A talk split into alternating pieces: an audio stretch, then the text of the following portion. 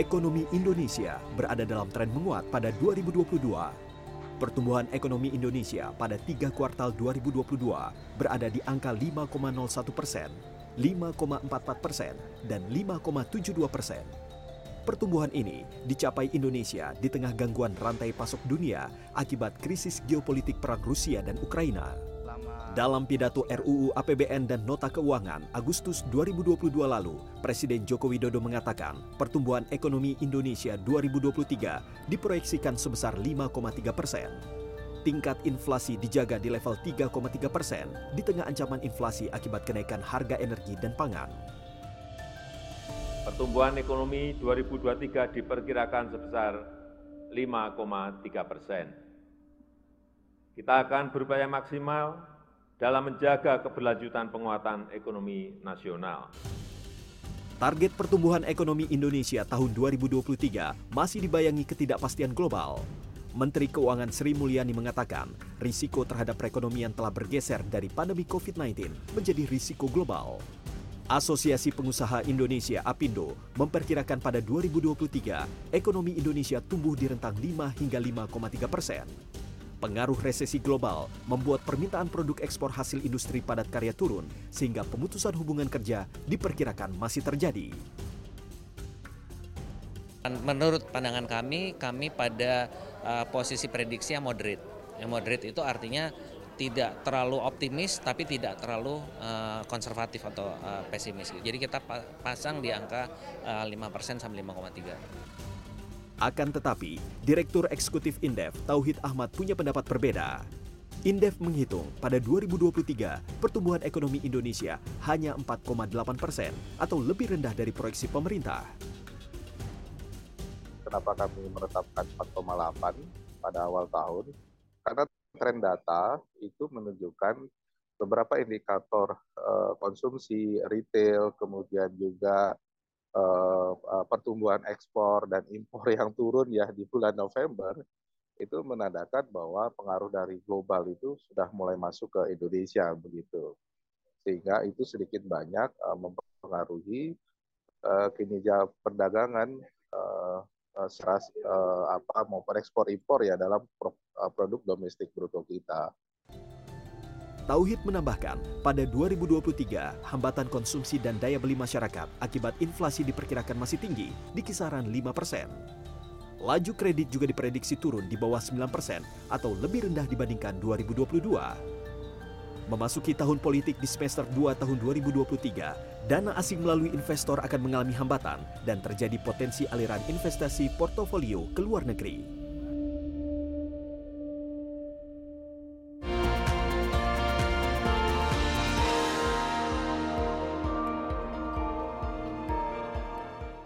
Mengawali tahun 2023 ini situasi dunia masih kurang menentu. Kita masih dibayang-bayangi oleh konflik di Ukraina tentu saja menciptakan ketidakstabilan di perdagangan dan juga di pasokan pangan. Kita juga dibayang-bayangi oleh resesi ekonomi khususnya di negara belahan barat dan tentu saja kita tidak ingin semua berdampak kepada Indonesia yang sebenarnya pada tahun 2022 kita berhasil meraih pertumbuhan sesuai target ya. Tapi untuk tahun 2023 ini apa saja kira-kira proyeksi atau economic outlook yang perlu kita simak ya dan juga apa saja strategi Indonesia untuk memastikan bahwa perekonomian kita dan juga anggaran yang kita miliki siap untuk menciptakan pembangunan, mensejahterakan masyarakat dan juga tentu saja menciptakan lapangan pekerjaan. Saya sudah ditemani oleh Menteri Keuangan kita Sri Mulyani Indrawati. Saya berada di kantor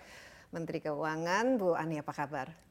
Alhamdulillah bagus. Iya, dan terakhir sebenarnya kita berjumpa itu persis ya lebih dari setahun yang lalu. Mm -hmm. Saat itu kita masih akan bersiap-siap menghadapi G20. Yep. Kita juga masih di tengah istilahnya pandemi COVID-19, mm -hmm. tapi satu tahun kemudian the world has changed Change. dan kita juga mm -hmm. ternyata cukup berhasil keluar lah mm -hmm. dari segala macam tantangan yang kita hadapi tahun 2022. Kita mulai sedikit uh, kilas balik ya, karena tahun 2022 itu punya highlight yang sangat penting yaitu keberhasilan Indonesia menjadi presidensi G20. Nah, saya lihat Menteri Ani ini selalu di samping Pak Jokowi ya dan selalu menghadapi dunia internasional dengan macam-macam uh, negosiasinya yang berkaitan dengan perekonomian. Mungkin bisa cerita sedikit karena memang kita sudah sukses, hmm. tapi secara konkret bisa recap lagi hmm. benefitnya yang kita miliki dan apa hasil konkretnya secara uh, keuangan lah. Kalau kita bicara tentang recap 2022 G20 pertama banyak atau seluruh policy maker yang menentukan dunia ini harus shifting fokus atau additional fokus, tambahan fokus hmm. dari situasi yang sudah kompleks 2021 di mana pemulihan ekonomi itu tidak smooth karena tadi terjadi komplikasi dengan kenaikan harga ditambah dengan masalah baru yaitu geopolitik yeah. yang menimbulkan persoalan yang makin struktural dan akut itu yang menjadi persoalan sangat kompleks di dalam dan mewarnai situasi. Karena it's not pure economic, tapi juga politics dan bahkan security dan military mm -hmm. action telah terjadi. Yang tentu saja berdampak terhadap sangat ekonomi. berdampak lagi kepada economics mm -hmm. dan bahkan policy choice. Karena kalau dalam situasi it's purely economic policy, you mm. can actually think about oh masalahnya ekonomi seperti ini demand supply oh ada kelangkaan barang maka kita harus meningkatkan supply barang tersebut distribusi dilakukan dalam situasi geopolitik kebijakan itu sering tidak available yeah. ya, karena terjadi blokade ada sanksi yeah. yang justru makin mem memperburuk situasi ekonominya itu itu yang kita hadapi di 2022 nah dunia global terutama dari sisi global economic uh, mainly dominated by advanced economy merespons kondisi ekonomi dan geopolitik security dan bahkan perang itu menjadi satu paket yang menimbulkan spillover kepada the rest of the world mm -hmm. yaitu kenaikan inflasi direspons dengan kenaikan suku bunga dan tightening monetary policy perang direspons hmm. dengan sanksi ekonomi yang menimbulkan masalah lebih kompleks lagi dan itu menimbulkan dua persoalan yang sangat ya. mempengaruhi yeah. banyak ad, uh, emerging dan developing country yaitu pangan, hmm. food crisis dan energi. G20 try to address those issue dan come up dengan paling tidak solusi. Pertama, this is the global premier forum untuk economic cooperation. Mm -hmm jadi Indonesia punya tugas dan kita bisa deliver dengan baik. Pertama menjaga G20 sebagai sebuah forum kerjasama ekonomi yang sangat penting, mm-hmm. di mana kita mencoba untuk mencari remedy atau pemecahan-pemecahan dari masalah ekonomi dunia, yang masalahnya bukan pure selalu ekonomi, tapi kita tetap fokus mm-hmm. pada ekonomi. That's why kita bisa come up dengan beberapa hasil nyata. Yeah. Satu, jangan lupa bahwa Indonesia waktu memegang presidensi ini masih ada pandemi, mm-hmm. jadi recover together, recover, recover stronger. stronger itu tetap penting. Jadi recover mm-hmm. stronger dan together itu mereferensikan pada masalah pandemi. Gimana caranya supaya kita bisa recover together, recover stronger? Akses vaksin mm-hmm. harus booster yeah. dan kemudian bagaimana kita bisa memperkuat respons uh, dari global health system kalau sampai terjadi pandemi lagi. Makanya muncullah pandemic fund. 1,5 billion US mm-hmm. dollar, 21 contributor termasuk uh, tiga filantropis. Dan itu tidak hanya negara-negara maju dan barat, tapi juga seluruh negara RRT masukin, mm -hmm. Saudi masukin, India dan kita juga. Itu adalah hasil yang bagus. Yang kedua, kita bicara tentang uh, transisi energi. Ya. Karena kita semua mengetahui meskipun dalam situasi global ekonomi yang belum recover, tapi climate change hmm. itu sudah dan terus akan menjadi masalah. Dan bagaimana grup G20 menjadi salah satu yang menawarkan solusi. Salah satunya adalah mendukung transisi energi. Karena energi adalah yang paling mahal, paling ekspensif untuk ditransformasikan menuju green, tapi dia dampaknya sangat besar terhadap penurunan CO2. Iya. Nah, Indonesia sebagai negara yang punya coal, punya geothermal, punya gas, punya minyak, punya hidropotensi, matahari. matahari, kita menjadi champion karena kita juga percaya bahwa climate change harus diadres bersama-sama dan Indonesia pun juga terpengaruh dampak buruk dari Ya. climate change.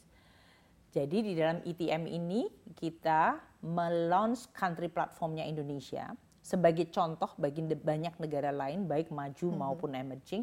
Ini loh kalau kita mau eh, mentransisikan energi, bagaimana meretire non renewable seperti Mhm, coal, coal power plant, ya, Mhm. jadi. dan bagaimana menginvite renewable energy. Country platform di launch dan kita kemudian mendapatkan dukungan seperti JETP yaitu join eh, dari eh, berbagai negara, Negara, ya. terutama negara Amerika, Jepang, Jepang, Germany yang kemudian mau mendukung upaya dari negara seperti Indonesia yang punya plan perencanaan yang jelas, skenario yang ingin dilakukan yang konsisten dengan masalah climate change. Itu menimbulkan dukungan yang luar biasa, lebih dari 20 billion US dollar yang dikomit untuk yang sudah translated into a real action seperti Green Fund dan yang lain-lain bahkan eh, sekitar 4 billion yang kita sekarang lakukan. Itu adalah hasil yang kedua. Hasil yang ketiga, digital economy dan bagaimana kita menciptakan inclusion, financial inclusion yang lebih termasuk munculnya sekarang dengan teknologi digital seperti cryptocurrency, how to the governance yang harus diperbaiki, digital central bank digital currency yang akan menjadi sesuatu di mana peranan dari teknologi digital terhadap ekonomi akan menjadi sangat penting. Itu tiga hal yang sangat penting pada level presidensi kita. Di level finance track, agendanya lebih kaya banget karena kita juga bicara tentang food crisis, kita bicara tentang bagaimana lembaga-lembaga internasional, bank pembangunan Asia, Afrika, Latin Amerika, Bank Dunia, IMF, semuanya bisa merespons kemungkinan negara-negara emerging yang akan masuk krisis atau masuk resesi. IMF memprediksi tahun ini 40% dari negara-negara akan mengalami Akan resesi. resesi, ya. Dan itu berarti mereka membutuhkan dukungan financial sources. Kita bicara tentang global taxation di financial tracks di mana kita bicara tentang dua pilar bagaimana taxation untuk antar negara terutama di era digital yang lebih adil dan bagaimana kita bisa mendesain uh, avoiding race to the bottom yaitu menurunkan pajak yang kemudian menimbulkan dampak yang uh, tidak baik terhadap base erosion taxation dari setiap negara. Kalau Anda bicara tentang total utang negara terhadap GDP, kita di G20 itu termasuk yang the lowest three. Bahkan kalau negara yang lebih rendah kita ya seperti Saudi yang jelas-jelas dia. Tapi kalau negara emerging lain, Indonesia masih jauh lebih baik.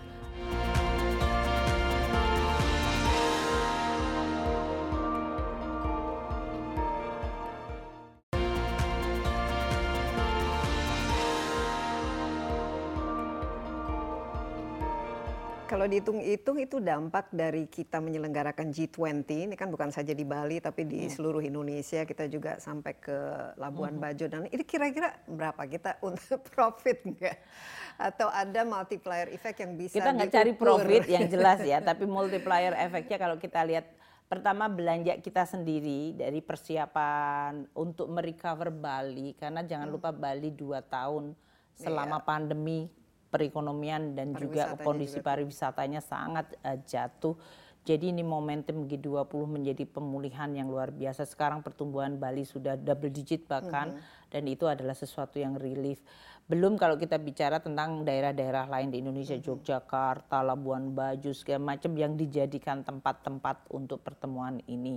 Jadi spillover efek dari eh, kedatangan kontingen, mereka tinggal di hotel, menimbulkan confidence terhadap Indonesia. Jangan lupa pada saat seperti ini kita melakukan RRT masih close loh, iya. masih lockdown. Sampai Dan baru sekarang, kemudian ya, baru, sampai baru sekarang ini, baru ya, ini baru, dibuka baru ya.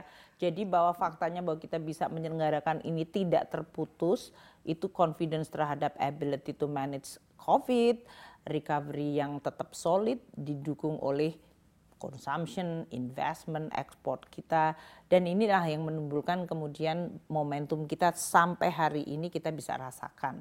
Jadi kalau bicara tentang benefit manfaat ekonominya untung apa enggak jelas untung banyak banget dibandingkan seluruh biaya yang kita keluarkan iya. untuk dan apalagi dari segi kita menciptakan image ya citra Indonesia iya, yang ya, itu priceless. Uh, sangat itu itu sangat priceless. Nah kita dua uh, tiga tahun terakhir ini ini kan refocusing dari uh, APBN kita dan juga effort serta energi dari pemerintah dan kita semua ya untuk keluar dari pandemi itu sendiri. Hmm. Kemudian untuk mengembalikan, menormalisasi karena tadi bicara mengenai rescaring ya, ada scarring hmm. kita mau tidak mau hmm. kan kita keluar berarti harus keluar dari diversion hmm. yang selama COVID ini. Bagaimana kesehatan dari APBN kita, Bu Ani? Pertama kesehatan ekonomi. Pada saat kita katakanlah kuartal ketiga kan yang sudah keluar official dari BPS 5,7. Yeah. Kita 53 masih berdasarkan hitungan leading indicators yang kita mm -hmm. cukup confidence momentumnya itu masih terjaga. Artinya okay. pertumbuhan yang didukung oleh consumption yang cukup sehat,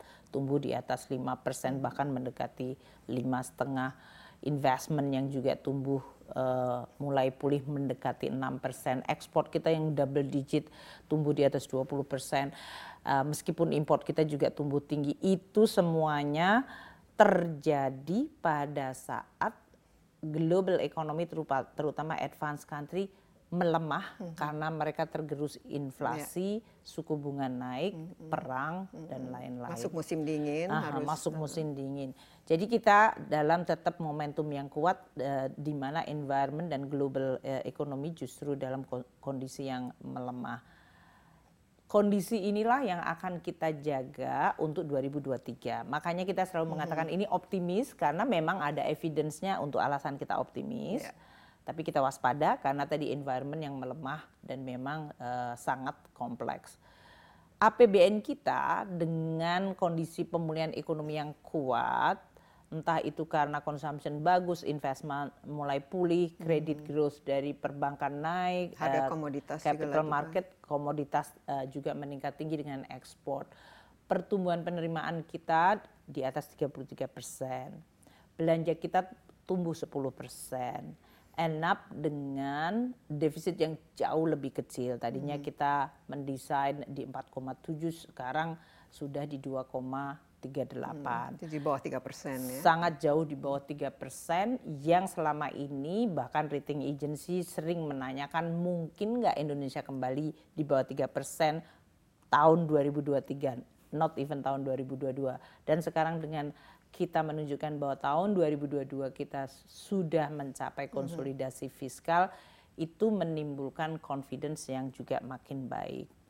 Artinya pemulihan masyarakat, kesehatannya kembali pulih, ekonominya juga kembali ya. pulih, APBN-nya juga kembali pulih. Oke, dan dari segi reserve dan tapi utang bagaimana ini karena sekarang wah sering wah ini utang semakin tinggi hampir 40% dari PDB dan ini, ini sesuatu yang menjadi harus kita khawatirkan? Kalau kita lihat bahwa fiskal atau APBN menjadi instrumen instrumen utama dalam menghadapi pandemi, dalam memulihkan ekonomi, dan itu berarti dalam situasi di mana ekonominya melemah, hmm. menciptakan APBN sebagai counter cyclical atau shock absorber, ya memang defisit lebih gede. Yeah. Seperti yang tadi disampaikan, Undang-Undang Nomor 2 2020 tentang bagaimana respons terhadap kondisi extraordinary pandemi, kita sebetulnya dibolehkan hmm. untuk memiliki defisit di atas 3% selama tiga tahun. Yeah. 2020, 21 dan 22. Kalau kita mengatakan boleh defisit, defisit itu pasti nambah utang. -hmm. Karena by design dan by default yeah. penerimaan kurang dibandingkan belanjanya, maka perbedaan itulah melalui pembiayaan utang. Namun di tahun 2022 hmm. kita dengan penerimaan yang bagus, ekonominya mulai tumbuh tinggi, maka kita menurunkan defisit yang sangat dalam, sangat cepat. Mhm. Ini menyebabkan penerbitan surat utang kita menjadi turun sangat drastis Ya. di tahun 2022. Tadinya kita membayangkan akan dengan defisit 4,7 persen dari GDP kita akan mengeluarkan surat utang neto sekitar 900, kita enak hanya dengan di bawah 500. Jadi turunnya itu sangat dalam. Ini menggambarkan bahwa kemampuan kita untuk menurunkan defisit dan dengan demikian total utang kita mulai menurun lagi dan dengan penerimaan dan pemulihan ekonomi yang tinggi kita mampu untuk membayar utang kembali dan bahkan mengakumulasi yang namanya silpa. Oke. Inilah yang eh, mungkin ya perlu kalau Anda bicara tentang total utang negara terhadap GDP, kita di G20 itu termasuk yang the lowest three. Bahkan kalau negara yang lebih rendah kita ya seperti Saudi yang jelas-jelas dia. Tapi kalau negara emerging lain Indonesia masih jauh lebih baik. Dengan Latin Amerika jelas Meksiko, Brazil, bahkan India yang sekarang tumbuhnya paling tinggi di dalam G20 debt to GDP ratio mereka di atas 60 persen. Jadi Indonesia yang sekarang ini sudah turun ke 38 itu jauh lebih rendah. Services dari debt-nya juga kita bisa lakukan dengan baik. Jadi itu yang selalu saya sampaikan. Ya tentu saja semua negara tanpa terkecuali selama pandemi juga running deficit karena memang fiskal adalah tools yang sangat penting untuk menghadapi shock termasuk pandemi dan untuk mendorong pemulihan ekonomi. Oke, jadi untuk tahun 2023 ini kita ini kan kalau Bu Ani ini istilahnya kalau kita rumah tangga yang pegang dompet. dompet tuh ada yang pengeluaran, ada yang pemasukan. Kita mulai dari pengeluaran itu. Ada sekarang berapa uh, ribu triliun kita dua 2.463 untuk Oke. tahun 2023 itu kalau dibandingkan tahun lalu yang 2.626 itu lebih itu rendah Lebih rendah ya. karena waktu itu tentu kita tahu bahwa 2022 115 persen dari target berarti memang melebihi terutama di kuartal-kuartal terakhir penerimaan pajak kita melonjak eh, cukup tinggi tadi karena pemulihannya Ya. cukup tinggi eh, commodity price masih bagus jadi tahun dep- tahun ini dengan target ini kita jaga Oke. kita tetap hati-hati yang saya sebutkan optimis waspada. Kenapa, Des? Pertama, kalau ekonomi dunia melemah, pasti harga komoditas nggak akan sekuat seperti tahun lalu. Apalagi kalau kemudian perangnya mulai ada penyelesaian. Ini pasti akan menimbulkan normalisasi dari level-level harga. Ini pasti mempengaruhi penerimaan kita. Makanya kita juga harus hati-hati. Penerimaan yang tahun lagi tahun lalu sampai 2626 itu ada kontributornya dari harga komoditas. Kalau mereka turun, pasti penerimaan nggak akan setinggi tahun lalu. Namun pemulihan ekonomi akan terus terjaga. Jadi ada upside-nya. Belanja tahun lalu itu yang sangat besar melonjak tinggi adalah subsidi. Karena harga-harga BBM waktu itu meningkat di negara-negara maju naik bahkan sampai lima kali atau tiga sampai lima kali. Ini yang menyebabkan harga gas fuel seperti uh, pet- uh, petroleum and then kemudian bahkan batu bara melonjak sangat tinggi. Untuk Indonesia itu on the one hand kita dapat positifnya karena kita masih memproduksi minyak, kita masih menjual gas lah. dan kemudian batu bara di sisi lain kita juga import dan harganya kita pack. Ini yang menyebabkan kenapa subsidi tahun lalu yang tadinya hanya 152 triliun naik menjadi 555 triliun. More than tiga kali lipat. Jadi saya sering lihat masyarakat selalu confused seolah-olah belanja IKN itu gede sekali. Belanja IKN sampai sekarang itu sekitar 25 triliun jauh lebih dibandingkan belanja-belanja untuk tol Sumatera yang mencapai hampir 500 triliun.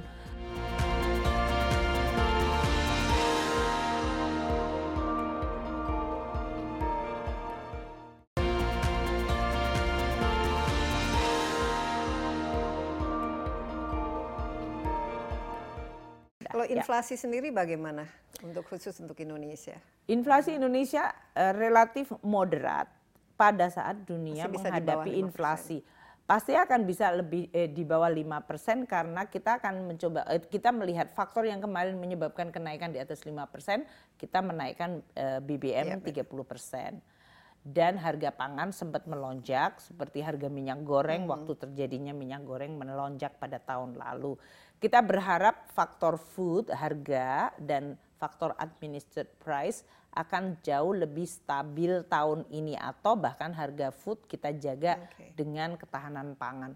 Ini yang mungkin uh, akan menimbulkan dampak inflasi yang menurun selain tentu presiden luar biasa bersama para menteri dan pemerintah daerah gubernur, kabupaten, oh, iya. semua melihat inflasi sebagai indikator kinerja mereka. Jadi kita lihat dampaknya terhadap hmm. bagaimana hmm. pemerintah daerah memberi perhatian luar biasa detil. Kemarin presiden memberikan pertemuan dengan kepala-kepala daerah sampai bilang perhatikan tomat, perhatikan cabai, perhatikan artinya sampai pada level komoditi yang memang bisa potensially menaikkan iya. inflasi iya. di daerah. Kalau naik, terlalu naik kan kita juga mengurangi purchase power ya dari kita Betul. sendiri. Nah, posturnya itu sendiri bagaimana? Alokasi uh, belanja negara ini APBN kita pakai untuk apa? Karena selama tiga tahun terakhir kan fokus kesehatan, hmm, pemulihan hmm, kesehatan, hmm, penyediaan vaksin dan lain sebagainya. Yeah. Tahun ini kira-kira lebih banyak ke mana? Mbak uh, Ani? Kalau kita lihat kesehatan pasti mengalami normalisasi sama seperti tadi mudah-mudahan ya mudah-mudahan. kita uh, belanja kesehatan yang untuk non COVID uh, akan lebih tinggi, tapi mm-hmm. yang COVID akan menurun tajam sehingga total belanjanya turun untuk kesehatan. Tadinya kita bisa mencapai bahkan mendekati lebih hampir 300 hampir 400 triliun. Okay. Sekarang turun di sekitar 176 triliun. Itu untuk kesehatan. Kalau kita lihat yang penting sebagai APBN shock absorber adalah melindungi masyarakat. Yeah. Makanya program sosial, jaring pengaman sosial, bantuan sosial 476 itu masih dialokasikan itu bahkan lebih tinggi sedikit dibandingkan tahun lalu yang 460. Tapi caranya berbeda kan, bukan? Caranya akan berbeda seperti lagi. kalau hmm. tahun lalu kan karena waktu terjadi harga minyak goreng tinggi, kemudian ada Cash, bantuan minyak goreng. Waktu itu kemudian kita melakukan pembatasan membantu UMKM secara hmm. cash. Atau waktu terjadi itu tadi inflasi yeah. naik karena BBM naik, kita memberikan bantuan cash kepada para pekerja. Hmm. Uh, ini akan sangat terkait dengan tujuan pemerintah untuk mengurangi kemiskinan yeah. ekstrim dan stunting mm-hmm. serta bantuan-bantuan uh, program sosial yang didesain untuk mengurangi kemiskinan secara lebih sustainable. Itu yang akan mm-hmm. menjadi tahun 2023 ini. Untuk infrastruktur kita masih sangat besar masih. tahun depan eh tahun ini karena menyelesaikan proyek-proyek nasional mm-hmm. yang memang tahap yang presiden mengharapkan sebelum selesai term adalah semua proyek-proyek nasional bisa diselesaikan. Termasuk IKN tentu saja. IKN yang nggak akan selesai lah, baru mulai malihan. Malah justru jadi saya sering lihat masyarakat selalu confused seolah-olah belanja IKN itu gede sekali. Belanja IKN sampai sekarang itu sekitar 25 20. triliun, jauh lebih dibandingkan belanja-belanja untuk tol Sumatera yang mencapai hampir 500 triliun atau kita bicara tentang hmm. seluruh uh, stall di Jawa atau belanja di tempat lain uh, uh, pos yang lain itu luar biasa besar. Jadi sering uh, ada yang bilang kalau lagi defisit ya nggak usah ada IKN ya nggak juga gitu ya hmm. dalam hal itu. Ya, kan tapi itu akan panjang. tetap, hmm. Hmm, tapi tetap kita untuk infrastruktur ya. yang awal dan strategis kita akan sediakan untuk uh, IKN tersebut. Kita juga masih itu tadi yang saya sebutkan subsidi kita lakukan, hmm. tapi 2023 adalah bagaimana APBN tetap menjadi tadi instrumen yang bisa diandalkan melindungi rakyat, melindungi ekonomi. Jadi pemulihan ekonomi hmm. terutama berbagai dukungan terhadap transformasi ekonomi hilirisasi, yeah. entah itu dengan insentif, perpajakan atau dengan belanja dan juga terhadap pemerataan ekonomi hmm. kita akan lakukan. Jadi itu adalah pos-pos yang sangat penting. Anggaran pendidikan mencapai iya, menembus di atas 600 SDM triliun penting. ya. Hmm.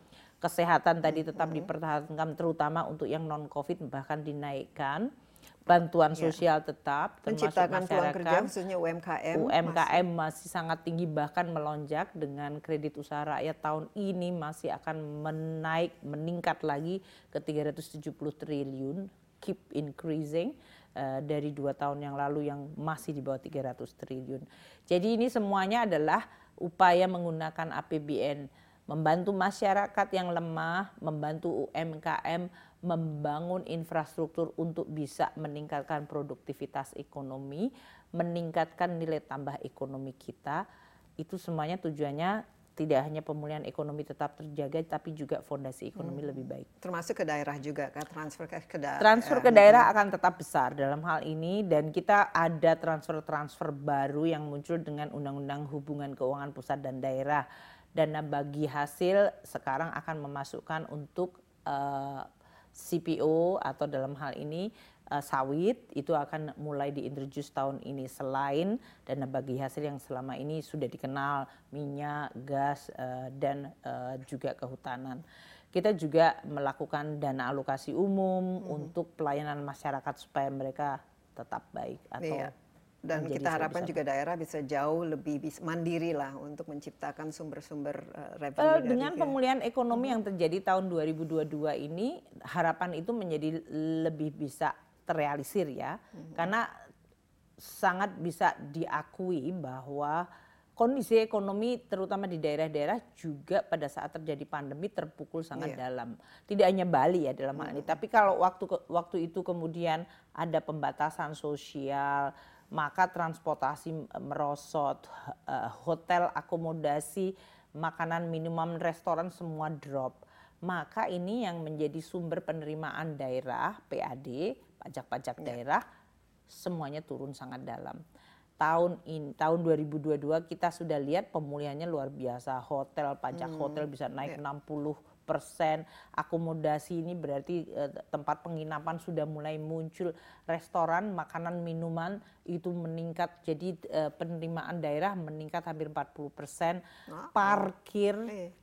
Karena kalau orang hmm. sudah boleh keluar bawa mobil, jadi kelihatan penerimaan dari retribusi hmm. parkir di daerah melonjak tinggi ini berarti masyarakat sudah mulai jalan. Tempat rekreasi oh, hiburan yang merupakan pajak hiburan di daerah juga melonjak tinggi. Ini menggambarkan aktivitas masyarakat telah menimbulkan dampak terutama untuk perusahaan-perusahaan itu hmm. tadi, akomodasi, restoran dan segala macam tempat hiburan sekarang mereka merasakan oh sudah kembali lagi. Banyak yang cerita belum 100% normal tadi, yeah. sekarang efeknya masih terasa, tapi mereka jauh lebih baik dibandingkan kondisi 2020 uh, yang memang waktu itu luar biasa. Okay. Atau tahun lalu yang pemulihannya masih sangat iya, sangat sangat, uh, sangat terpuruk betul-betul ya mm-hmm. krisis. Kita ya paling nggak sekarang dari segi uh, pariwisata bahkan mm-hmm. turis dari China pun sudah akan yeah. berbondong. Mudah-mudahan tanpa membawa apa-apa ya. Kecuali kita bawa yuan ya. bahwa kita sekarang dengan COVID, ya, ada booster kedua ada booster sekarang. kedua. Okay. Jadi kalau Anda pendapatannya 5 juta, setahun 60 juta, maka 54 juta tidak kena pajak. Jadi Itu yang disebut kena, pendapatan okay. tidak kena pajak. Yang 6 juta yang Sehingga kena pajak. tinggal 60 juta dikurangi 54, 6 juta itu yang kena 5 persen.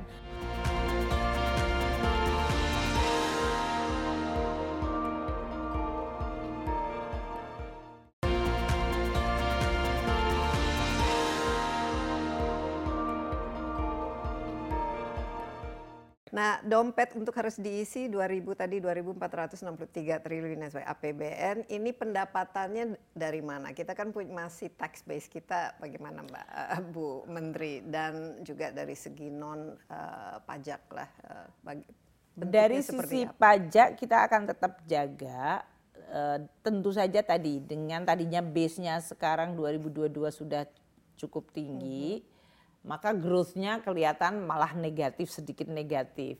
Kita pasti tidak mentargetkan untuk negatif growth dari pajak. Makanya kita reform dari perpajakan kita agar sistemnya menjadi lebih baik, pelayanannya lebih standar dan juga kemampuan untuk meningkatkan basis pajak nah, kita. Berapa persen sekarang? Sudah ada lebih dari 12 persen? Tax ratio belum, belum. belum kita ya? kan sempat turun sangat hmm. dalam pada saat itu, kemudian kita udah naik di 10 persen. Kita berharap mendekati ke 11 untuk tahun ini kalau buoyancy seperti yang dikatakan oleh Dirjen Pajak itu artinya kenaikan satu output kita bisa menaikkan pajak juga sama satu persen maka kita akan bisa menjaga uh, tax ratio kita hmm. mendekati 12 persen. Kenapa tax ratio kita tuh begitu rendah ya? Menteri ya?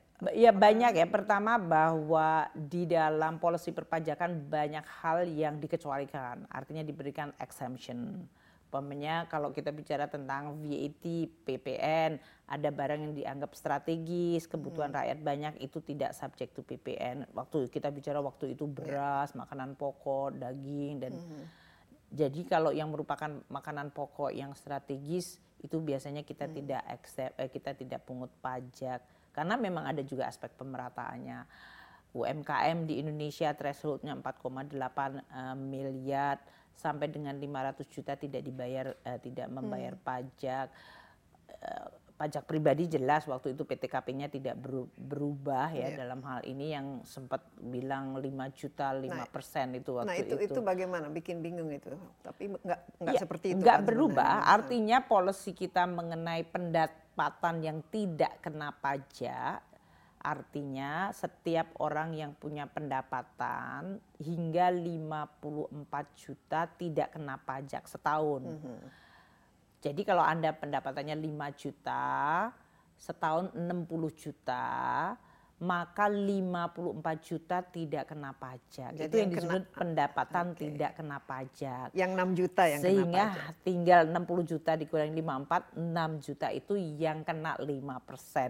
Jadi efektif tax rate-nya enggak 5 persen 0,5 persen okay. itu yang saya sampaikan waktu itu penjelasannya. Hmm. Kalau orang selalu shock kalau bicara, wah pajak nanti penghasilan saya dipajak. Ya artinya 5%. akhirnya sesudah orang-orang memahami cara mem menghitung kewajiban pajak, mereka memahami aspek keadilan itu. Untuk orang-orang yeah. yang ya. memang pendapatannya 5 juta, yang dipajakin cuma 6 juta dari satu tahun, dan itu berarti 0,5 persen itu mereka akan mendapatkan berapa 30 ribu per bulan yaitu sangat dianggapnya ya. acceptable.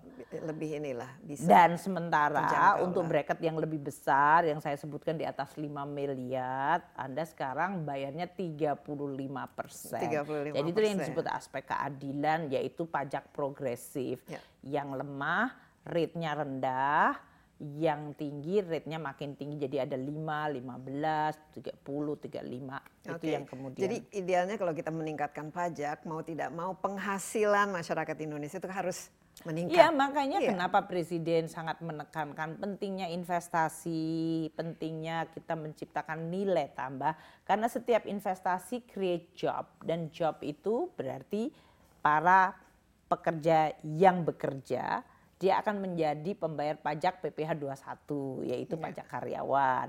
Kalau Anda tidak bekerja ya Anda tidak mendapatkan pendapatan, Anda nggak bayar pajak, gitu kan kayak gitu. Mm -hmm. Orang menganggap bahwa kalau saya nggak kerja pun saya harus bayar pajak, ya enggak. Mm -hmm. Kalau tapi kalau Anda dapat pekerjaan, pekerjaannya menghasilkan pendapatan yang di atas pendapatan tidak kena pajak, ya mulai kena pajak yang progresif tadi bertahap. Iya, dan akan multiplier effect kalau kita penghasilannya semakin meningkat, pengeluarannya kan juga semakin banyak. Sehingga. Itu satu hal dan pajak yang kita kolek kan juga bukan saya taruh di berangkas di Kementerian Keuangan.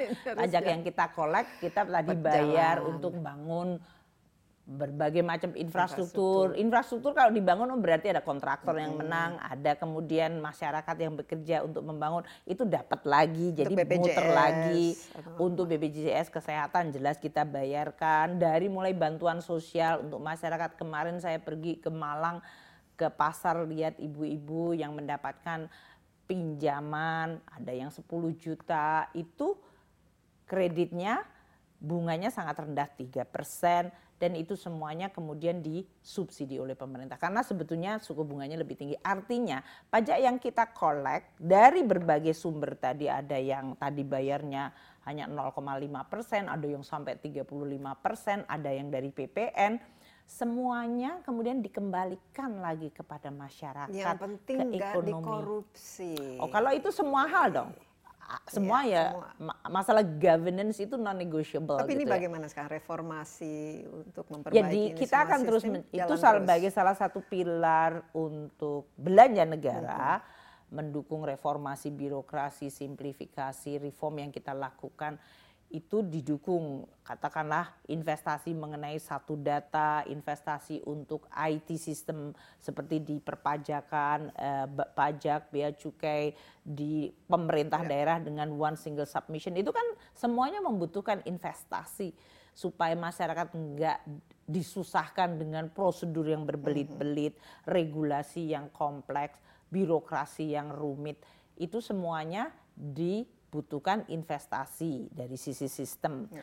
Sehingga banyak proses yang tidak membutuhkan lagi pertemuan dengan hmm. para birokrat yang biasanya berpotensi menimbulkan KKN. adanya KKN, korupsi, sogokan itu dilakukan terus yang dilakukan oleh Menpan RB dengan melakukan apa yang disebut mall pelayanan publik hal seperti itu kita lakukan di semua kabupaten kota. Jadi kita anggap bahwa seluruh investasi yang dilakukan oleh pemerintah itu manfaatnya kembali ke masyarakat dan ekonomi. Oke, jadi kuncinya harus transparansi sehingga tidak ada kebocoran Tata dari kelola APBN. yang baik. Iya.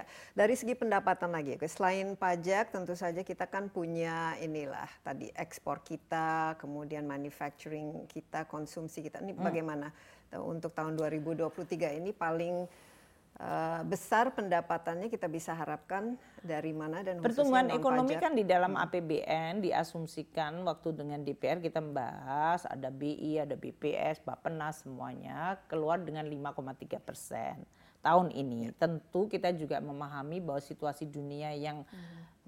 banyak risikonya itu bisa memberikan ancaman pertumbuhan ekonomi kita sehingga kita juga harus hati-hati. Makanya saya sebutkan optimis tapi waspada. 5,3 dianggap sekarang tinggi karena banyak lembaga-lembaga uh, internasional memproyeksikan sekarang lebih rendah dari 5,3 ada yang 5 persen ada mm -hmm. bahkan yang 4,7 4,9 jadi kita menganggap itu sebagai suatu warning yang baik bahwa oh risiko sangat besar di tahun 2023 namun kita juga optimis bahwa Indonesia momentum pertumbuhan ya. ekonominya masih cukup baik tadi consumption hmm. Makanya kalau inflasi kita tetap bisa terjaga tadi di bawah uh, sekarang di 5,5 atau 5,4 kalau kita terus bisa menurunkan inflasi di level hmm. seperti dulu 3 plus minus 1 maka daya beli masyarakat juga terjaga dengan growth maka job creation terjadi dengan growth kita melihat kemiskinan menurun, kita lihat pengangguran mulai menurun.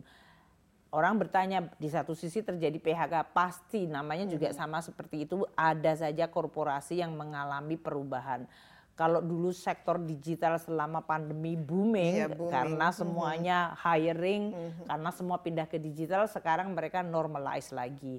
Jadi di sisi lain ada sektor manufaktur yang sekarang booming seperti hilirisasi dan yang iya. lain-lain. Yeah. Jadi memang akan terjadi berbagai macam kegiatan ekonomi, ada yang lagi naik, ada yang tumbuh waktu pandemi sektor kesehatan booming yeah, banget, farmasi pharmaceutical melonjak sangat tinggi. Sekarang mereka normalize lagi sehingga masuk ke kegiatan perdagangan sudah tumbuh di atas 30 persen, manufaktur di atas 20 persen, itu construction yang tadinya berhenti sekarang hmm. sudah mulai naik lagi. Jadi kita memang lihat memang ada terjadi perubahan sektor-sektor yang menjadi hmm. pendukung pemulihan ekonomi.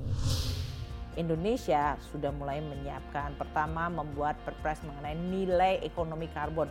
Jadi CO2 itu harganya iya, berapa? Ya, Walaupun kita nggak nah, lihat ya, kan maunya... kan sama seperti Desi kita bicara O2, O2 kamu harganya berapa? Kalau suruh bayar selesai lah. Saya 100 iya. dolar ini exactly. harganya.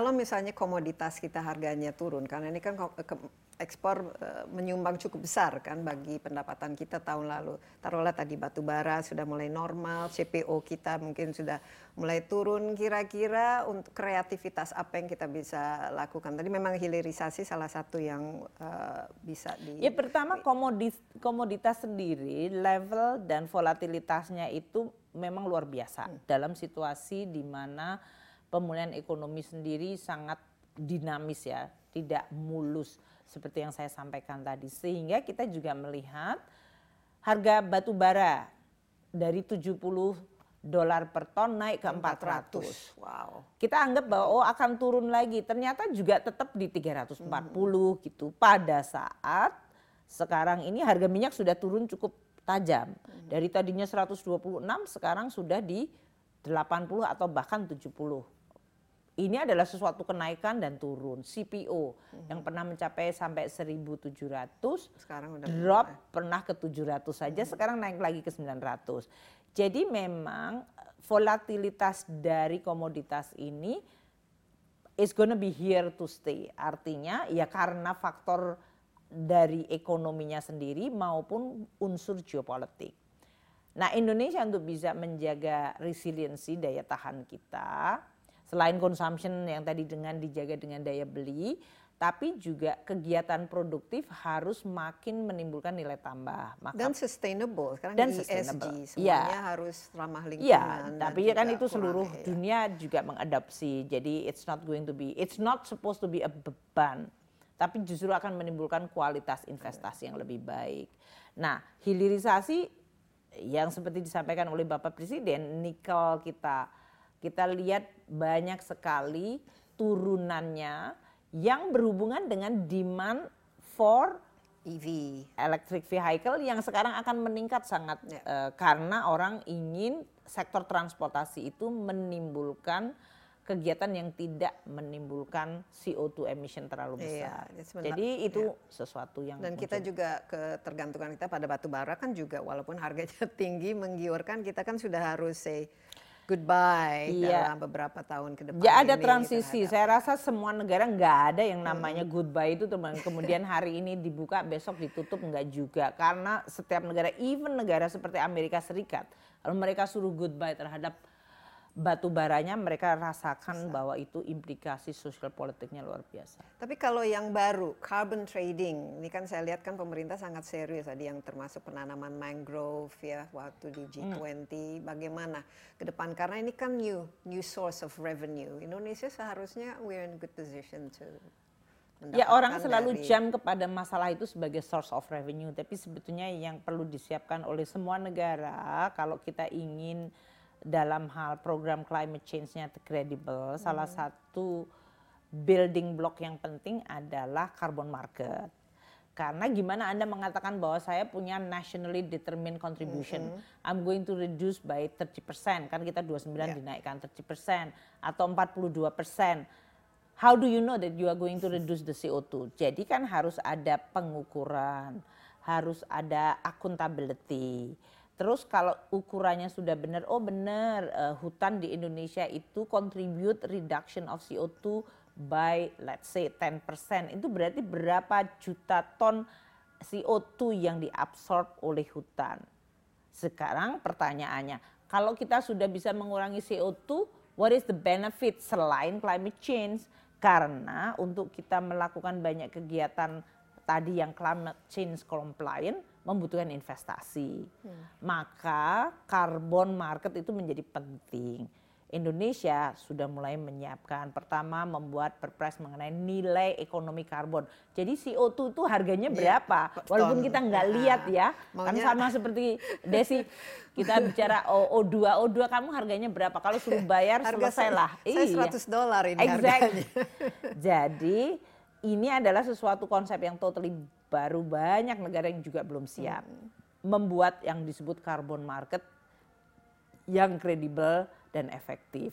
Nah, kalau kita sudah punya carbon market, which is kita lakukan di undang-undang mengenai P2SK, kita akan membuat bursa karbon. Sekarang OJK yang harus melakukan dan itu menjadi sesuatu yang Ya. harus kita develop secara bersungguh-sungguh dan kredibel. Tapi masih immature ya pasarnya masih cukup Semua Nah, negara ya. masih di dalam proses yang sangat bahkan uh, yang Eropa yang sudah sangat advance sekalipun atau Kanada dalam hal ini mereka juga lihat volatilitas harganya itu membuat ketidakpastian. Waktu itu harga karbon bisa 5 dolar, and then suddenly Jadi 25 empat- naik menjadi 40. katanya 40. Eh, Kanada bilang kalau kita mau benar-benar nurunin CO2 sesuai dengan Paris Agreement, harga karbon itu harusnya 125 Iya. dolar. That is like way hmm. very high. Siapa yang mau bayar? Siapa yang mau bayar? dalam situasi negara-negara maju dan korporasi dalam menghadapi hmm. kondisi resesi. Tapi ini. carbon tax is it going to be ini sesuatu ya, itu yang juga salah satu tools. Jadi kalau kita sudah punya carbon market, terjadilah transaksi, maka kita bisa mengintroduce instrumen yang disebut carbon tax atau carbon tax bersama-sama carbon market bisa diintroduce untuk satu spesifik sektor, katakanlah energi. Ya. Katakanlah energi yang basisnya mengeluarkan CO2 paling besar. Mulainya biasanya dimulai dengan mengintroduce secara hati-hati karena semua negara juga tidak ingin oh saya mengintroduce carbon tax dan carbon market and then suddenly satu sektor mati aja. Mm -hmm. Itu kan menimbulkan unemployment, implikasi sosial, ekonomi, financial. Jadi kita juga waktu mengintroduce carbon tax, legislasinya sudah ada undang-undang perpajakan kita sudah mengintroduce. Untuk implementasinya kita mulai nanti sektor energi yang mengeluarkan karbon paling banyak dari Menteri ESDM dan KLHK menentukan oh kamu untuk pembangkit coal ini kamu hanya boleh mengeluarkan CO2 sebesar katakanlah X. Kalau dia ternyata mengeluarkan lebih dari X, dia harus bayar pajak. Okay.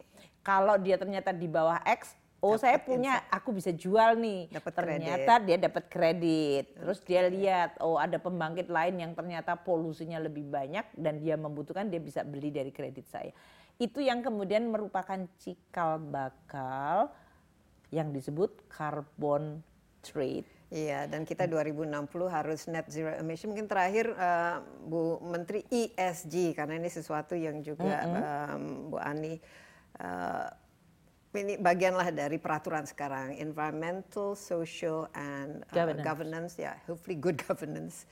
Ini bagaimana dan kira-kira apa implikasinya dan dampak yang diinginkan dengan adanya peraturan ini? Jadi di dalam uh, dunia ini ya, termasuk di dalam G20 karena terdiri dari negara-negara paling besar di dunia yaitu Grup 20.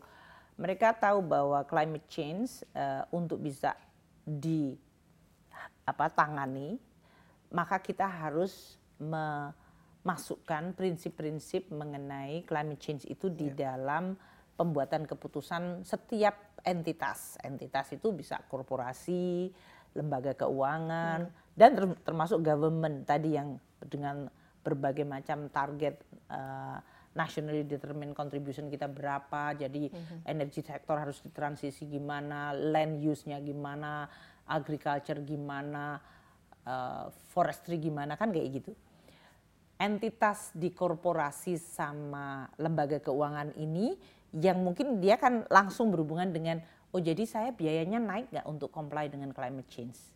Nah ini yang disebut prinsipal ESG ini supaya jangan sampai ada korporasi aku udah melakukan ESG tapi perusahaan yang sama nggak melakukan dan dia nggak apa-apa sih mm -hmm. gitu. Caranya dunia itu sekarang melakukan apa yang disebut mainstreaming. Jadi ini masuk ke dalam regulatory di sisi hulunya lembaga-lembaga keuangan harus menerapkan ESG. Jadi kalau bank mau memberikan kredit, mereka harus punya filter kreditnya pada perusahaan apakah dia environmentally sound, apakah dia merusak environment atau enggak. Socially juga good, apakah hmm, dia jawab. membuat hmm. orang menjadi kehilangan tempat tinggal, terjadi pengungsian atau dalam uh, merekrut labor tidak ada child labor dan segala macam.